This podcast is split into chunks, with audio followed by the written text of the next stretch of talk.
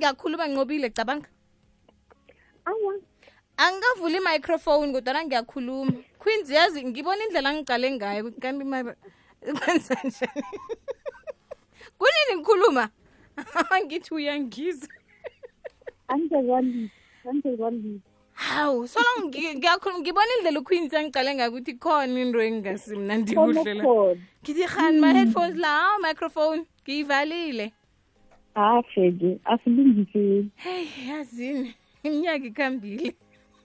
Mm, ngiyavuma. Hey, khambele iminyaka futhi nje kambili iminyaka nqobile sinonqobile the epidemiologist sitsheja zamva nje ze-covid-19 sesajayela vele ukukhuluma nge-covid-19 I- i- ikhona kwangasagcina samukele ukuthi ah isiza kuthini? Ikhona yona. liqiniso sisi sesayijayela njengoba sijayele imikhuhlane ukuthi ikhona sijwayele ukuthi miningi ikhona kazi emhlabeni noma ingakavami ukuthi ibonakale. Iye. Pox njalo njalo amagulo siyazi ukuthi solo wona ahlala akhona. So kwasosa-ke ukuthi sijayele ne-covid-19 lekuthi yona solo-ke nayo ikhona. Kodwana-ke njengoba sibonile ukuthi um iziko lezamaphilo esewula afrika balithome le- la- lahosisa-ke imibandela noma ama-protocols e-covid-19 sakhumbula inyangane ezidlulileko lathawa athethe incindezelo umuntu akakateleleki ukuthi afake isifonyo akakateleleki kwenze lokhu nalokhu. So lokho bekubangelwa ukuthi-ke babona-ke ukuthi i-covid le yona ucoko lwakhe ayisesenamandla kangako ayisabulala ikhulu ngendlela bebulala ngakho ekuthomeni lokhu asingazi ikhulu ngayo. Begodi sesinawo-ke amathulusi okuyenza-ke siyithundubaze so ama-developments njengoba kuhamba ngisakhumbula ukuthi um kunento siyibiza i-surveillance yazi ngicabanga ukuthi ngide siyikhulumise imini kune-surveillance sine-disease surveillance irana ama-epidemiologist esewula africa phake siyaziwe ukuthi irana i-n i c d. NICD iberega ne-Department of Health ekuyiziko lezamaphilo ukurana ama-disease surveillance. Ama-surveillance la ayamonithara-ke akuhamba aqalisisa amagulo ukuthi amagulo athugulika kangangani abe bukhali kangangani abe buthimbi kangangani njalo njalo alatshwa njani nakunje njani.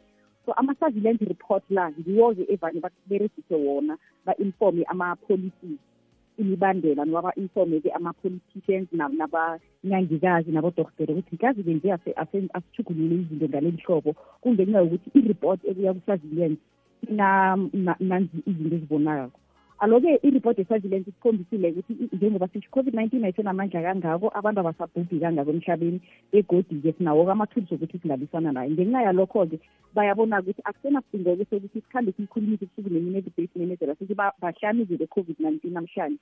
Vane-ke kusasa njalo njalo. Babone-ke ukuthi isidingo sokuthi i-report engenisha asisekho.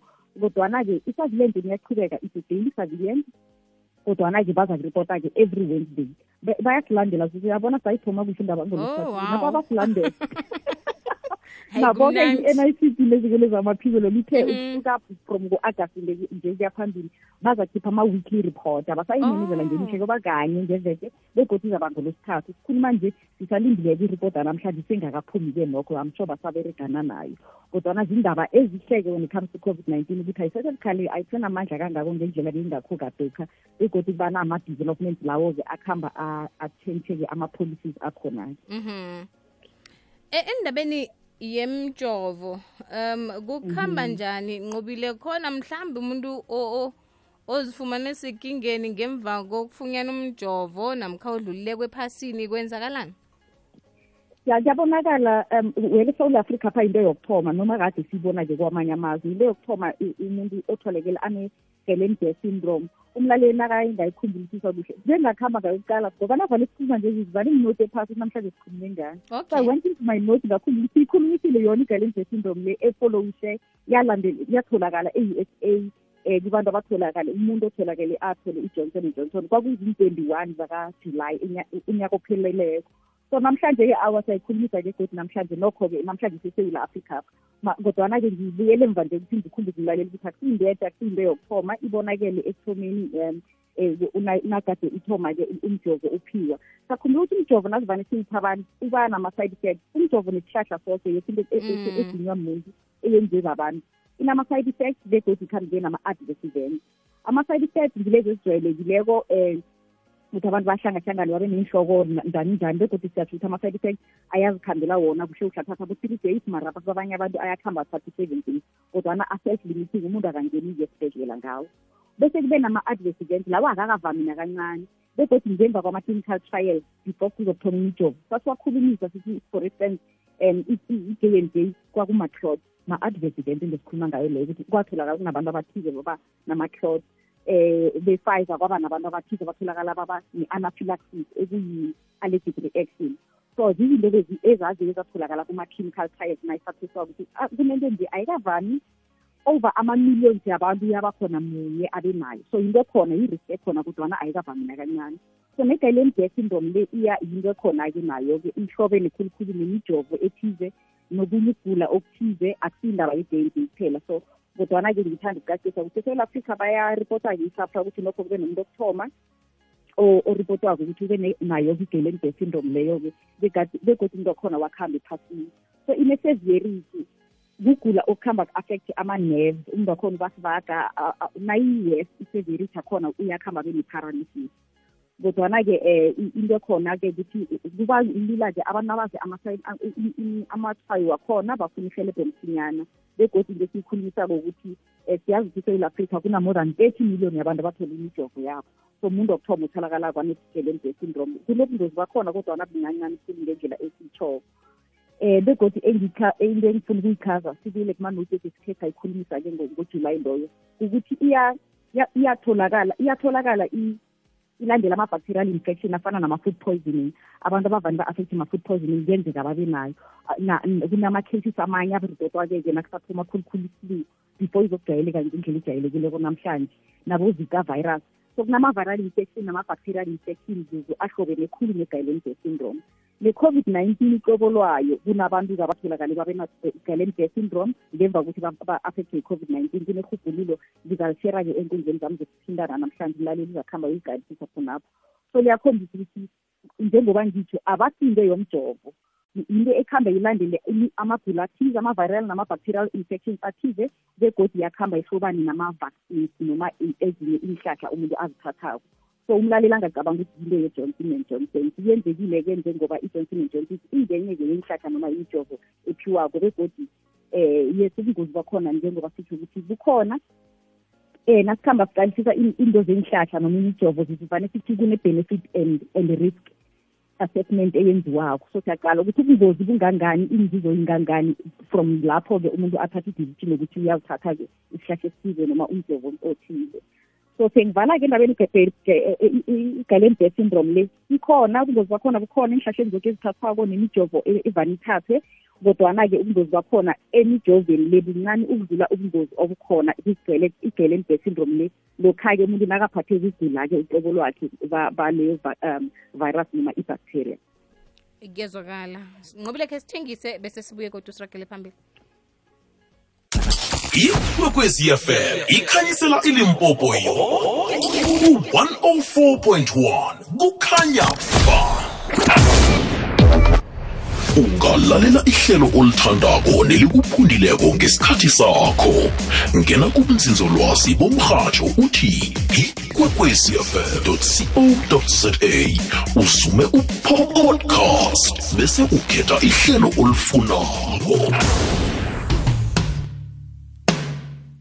Imashumi amabili nambili mzuzu ngemva kwesimbi yechumi nanye ikwekwezi fm kukhanya ba ngimnawe 912 ukhona umdlalo womoya wesihloko esithi awesome samo limphosa emnyango imzuzu nayimashumi amathathu ngemva kwesimbi yechumi nanye. Nqobile uhobo yinyanga yabomma godu izolo mm -hmm. bekugidingwa ilanga elikhulu labomma. Ngisiphi siyeleliso mhlamunye um kibomma? Indlela ekufanele bona sizitsheje ngayo sikhulumela indaba yezempilo mhm. So into yokuthoma engithanda ukuyikhulumisa khulukhulu nasikhuluma ngendaba yaboma siyakhumbula ukuthi kuhle kuhle uhobo ile zabe inyanga yaboma nje.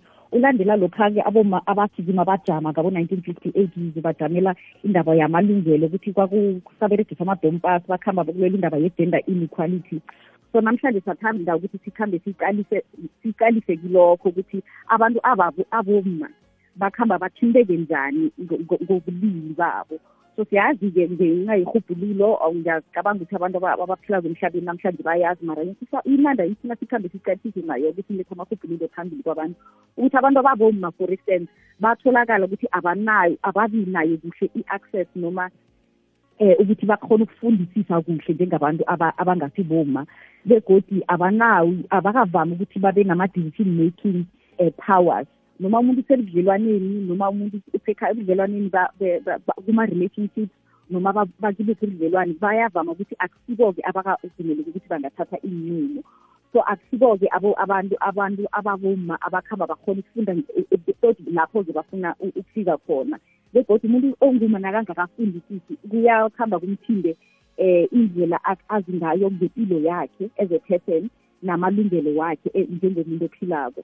So enyangeni aboma sakhumbula ukuthi aboma bakhamba bathwayeleke khulu begula kufana namakankere begodi namhlanje ikankere yamabele neyesibeletho ayisakhambi iphinde aboma abakhulu ngeminyaka njengalophana sisakhulako sabona aboma abancane bakhamba bama-twenty years old begodi kunemithi kunama kumjovo uvikela iten- ikankere yesibeletho uphiwa abantwanyana abaku- uh, from nine to thirteen years of age bantwanyana aba-before bazoba nobudlelwane nabo ba- nabantu ababobaba ukuthi babavikele ukuthi be- nabakhamba bayoba nobudlelwane babobaba bavikeleke endabeni yakankere. So zizinto esifuna sizikhulumise-ke um zaboma ukuthi aboma abasukile bajamele khulukhulu amalungelo wempilo yabo nabantwanyana babo. Ab- sikhulumisile i- iveki ezidlulileko ukuthi ngenxa ye-covid-19 nam- nemibandela egade ikhona ama-restrictions nama-lockdown kukhambe kwathinteka khulukhulu aboma um ngenxa ye- kwaba nendaba zokuthi bayahlukunyezwa-ke khulukhulu emakhaya abo- aboma nabantwanyana njalo njalo. So zinto kose u- uma azazi asekhaya asukumele impilo yomntwana bathole imijovo njengoba sekwenzakele ukuthi azange basakhona ukuyithola ngenxa yama-restrictions. Aboma ba- bakhambe ba- ba- ba- babe-empowered to get educated abantu- abantwanyana baba- bantazana ukuthi bakhona ukuba ne-say nokhona ukuba nephimbo kusasa loku- lokuzijamela. Bakhone ukuthi bakhone ukuthi noma ubaba khona noma ngekho uma akhona ukujamela ikhaya alethe ipuphu ngekhaya alethe ithukela izinto zoke ezingabizi ukuthi baqale a-mail figure so zizinto esifuna ukuthi sithande ukuzikhulumisa khulukhulu endabeni yezempilo ukuthi uma ka- akathikumele impilo yakhe bathole imijovo ngendlela efaneleko.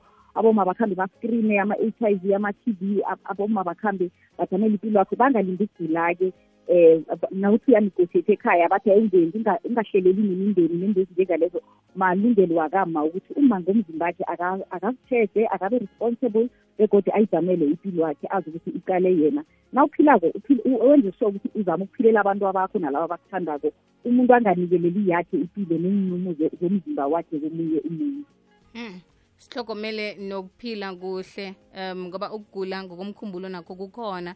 Siyathindeka kukhona ngezinto khulu ezenzekako ngoba uma empilweni. wakuhamba watshelwa ukuthi ungakhuluma-ke ubambe Mm. ekhalini uthule uthi du ufe nayo Ay, thina sikileyo generation yokukhuthaza ukuthi i-mental health ibaluleke kokugcina i-mental health kugula komkhumbulo Mhm. okwenza izinto ezinjalo ukuthi azikhuluma sikhambe sibabantu nje silimele khulu ekukhuleni kwethu salimala khulu nje sibadala nje salimazana nemiberegweni nebudlelwaneni njalo njalo akwazi ukulunga godi zizonagoti ithula-ke hlala nayo Mm. ithandaza uthula iphisi U- uthi wenza-ke into ze- e- zemplani ezithandaza wenza lapha nalapha kodwana athola abantu akhona ukugobekelana nabo uma avule isifuba sakhe bakhane. Uthola uqala isize nalapho-ke uvula khona isifuba kube kuthi lapho wakheka khona begodi into engiyikhuthaza kokugcina ukuthi uma angabambi kuye athi abantu baza kuthini into yokuthi abantu baza kuthini abayilise ngizuzu amathuna agcwele aboma abathulileko baba nokuthi bazakufa nazo indaba bazakufa nazo izinto ezibahlukumezako uma akasiki majamela impilo yakhe ku- khe sinqume ukuthi siphilele abantwana bethu nemindeni yethu impilo ithinde ye phambili kuzwakele nqubile sithokoze khulu isikhathi sakho nelwazi osabelelona namhlanje ngithokoze khulu nami Susan. Aha.